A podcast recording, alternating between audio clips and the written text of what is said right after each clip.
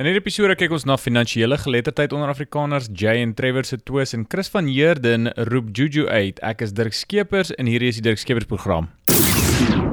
En net weer as 'n herinnering, is ons hier op die Digskepersprogram vrye mark liefhebbers en ek probeer klein besighede vind wat trots is om in Afrikaans diens of produkte te lewer. En so glo ek word die magtige mark gebruik om Afrikaanse kultuur en taal te bevorder. En hierdie episode is met trots geborg deur so 'n maatskappy met die naam Is Mos Bos. Hierdie maatskappy Is Mos Bos, hulle is die wenner van 'n Tinteltong toekenning vir die Afrikaans vriendelikste produk en die eienaar Rina was 'n plesier om mee saam te werk om die produkte blitsvinnig by my adres in Erasmus Kloof te kry. Is Mos Bos is 'n Afrikaner maatskappy wat bosseep vervaardig van wilde salie en sitronella. Nou wat beteken bosseep? Ek moes self gaan opsoek wat hulle daarmee bedoel, maar albei hierdie bestanddele, dis nou die sitronella en die wilde salie binne in die seep is bekend vir hulle muskietafwerende effek. Hulle het ook 'n lyfroom en 'n voetroom wat my vriende en familie nou die afgelope tyd probeer en hulle kan nie ophou praat daaroor nie. Ismos Bos se webblad is pragtig en in goeie Afrikaans saamgestel. Natuurlik sal ek die skakel tot hierdie blad en hul Facebookblad in die beskrywingsafdeling van hierdie episode sit. Ek raai aan julle skaf vir julle van hierdie produkte aan om die lastige muskiete weg te hou wanneer jy in die bos is of selfs net by die huis is. Nou as ons kan inspring in hierdie episode wil ek kyk na iets verskriklik seksie en opwindend en ja,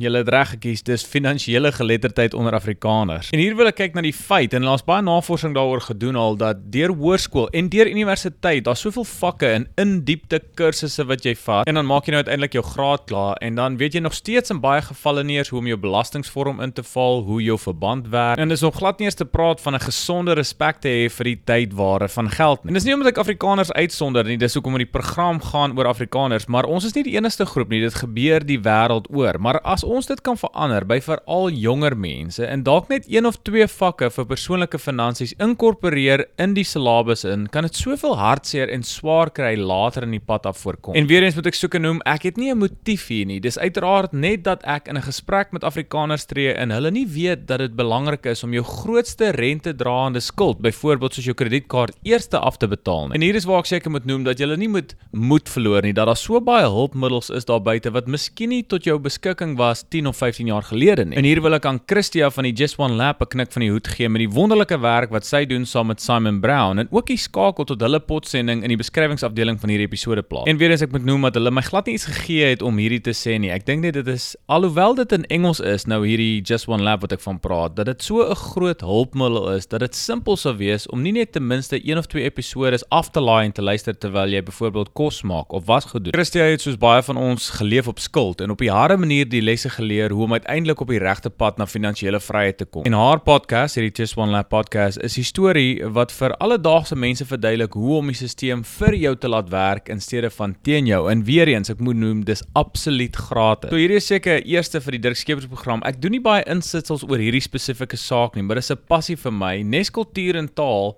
Ek dink dit is een van die waardevolste lesse wat geleer kan word. Nou as ons oor kan swaai na Jay se opinie oor Trevor Noah en weer eens, ek is nie baie lief vir kinderstories oor bekendes nie, maar hier is 'n dieper makro tendens, seker as mense dit kan noem, wat vervat is in hierdie storie. Jy het op Twitter genoem dat Trevor die anti-wit gevoelens uit die FSA aanhits as ook teenoor die minderheid in Suid-Afrika. En natuurlik toe onthou ek die episode van die Daily Show waar Trevor afgeskop het met die F white people, am I right? So die vraag is vir my of dit die mode geword het om mense met 'n ander velkleur af te maak en te verkleineer vir komedie, iets waarvan ons probeer wegkom. En dit bygesê, ek moet noem dat ek nie dink Trevor Noah is in dieselfde liga as Jon Stewart by die Daily Show aanbieder betref nie. Trog is Trevor se kontrak geldig tot 2022 en een ding is verseker, hy is intelligent genoeg om te weet dat daar 'n narratief is by sy netwerk en by die mense wat meestal sy program kyk om by in te val en te stoor. En dis veral waar as hy sy groot salaris wil behou. Jay het gesê dis om dialoog te stook en hier op Twitter natuurlik het ek gesien Piet Kroukamp vir Jay uitroep en gesê het as hy wil dialoog ontlok, hoekom delete hy die tweet. Daar's nog baie goed wat gesê word aanlyn en julle kan dit gaan vind op julle eie, maar hier is hoe die Dirk Skeepers program werk. Ek wil graag julle opinies hoor oor die saak. Dit is die belangrikste deel van hierdie program vir my. Dink julle daar is 'n rassistiese gevoel aan Trevor se uitsprake en sy grappe en is Piet Kroukamp reg in sy kritiek aan Jay? Ek is nie altyd seker nie, so laat my weet in daardie kommentaare op Twitter of op Facebook as dit is waar julle die meeste doen aldoenig is. Die Dirk Skeepers program is nou daar beskikbaar. En laastens wil ek swaai na die bokser Chris van Heerden wat nie skroom om die EFF en die ander uit te roep vir hulle sing van Kill the Boer wat hulle nou Kies the Boer genoem het, maar nog steeds met geweer handtekens maak terwyl hulle sing. Chris hou vol, dis een van die redes hoekom sy pa onlangs wreed vermoor is in Suid-Afrika, dat daar politieke motiverings is vir die moorde op veral Afrikaners. En hier weet ek dalk sommige van julle dink die debat is al holre gery, maar dit bly relevant. Dink julle Chris is reg deur te glo daar is politieke verbande aan wat gebeur word in Suid-Afrika vir al die moorde of is dit net 'n gewelddadige plek waar baie mense vermoor word? Vir my gereelde luisteraars, julle weet seker dat ons hierso op die Dirk Skeepers program sukkel om te ignoreer dat as die president van die land en leiers van politieke partye sing en skree oor die doodmaak van 'n sekere groep, dat dit baie naïef sal wees om te dink dat daar nie sekere ekstreme dele is van die bevolking in Suid-Afrika wat aangehits word deur hierdie woorde om woord by daad te sit en eintlik mense en boere en Afrikaners te gaan vermoor nie. Maar weer eens, ek kan verkeerd wees. Dit is hoe die Dirk Skeepers program werk. Ek gee vir julle die nuus, 'n bietjie van my opinie en dan gooi ek dit terug aan jou, my luisteraar. Wat dink julle oor die saak? Laat my weet in daai kommentare op Twitter en dis eintlik waar ek hierdie episode gaan afsluit. As jy hou van wat ek hier probeer doen, teken in deur op die skerm. Kyk na jou skerm op die oomblik en druk die subscribe knoppie. Dit teken jou in en jy kan dan ook vir my 'n resensie gaan los tot 'n volgende keer, my mense. Totsiens.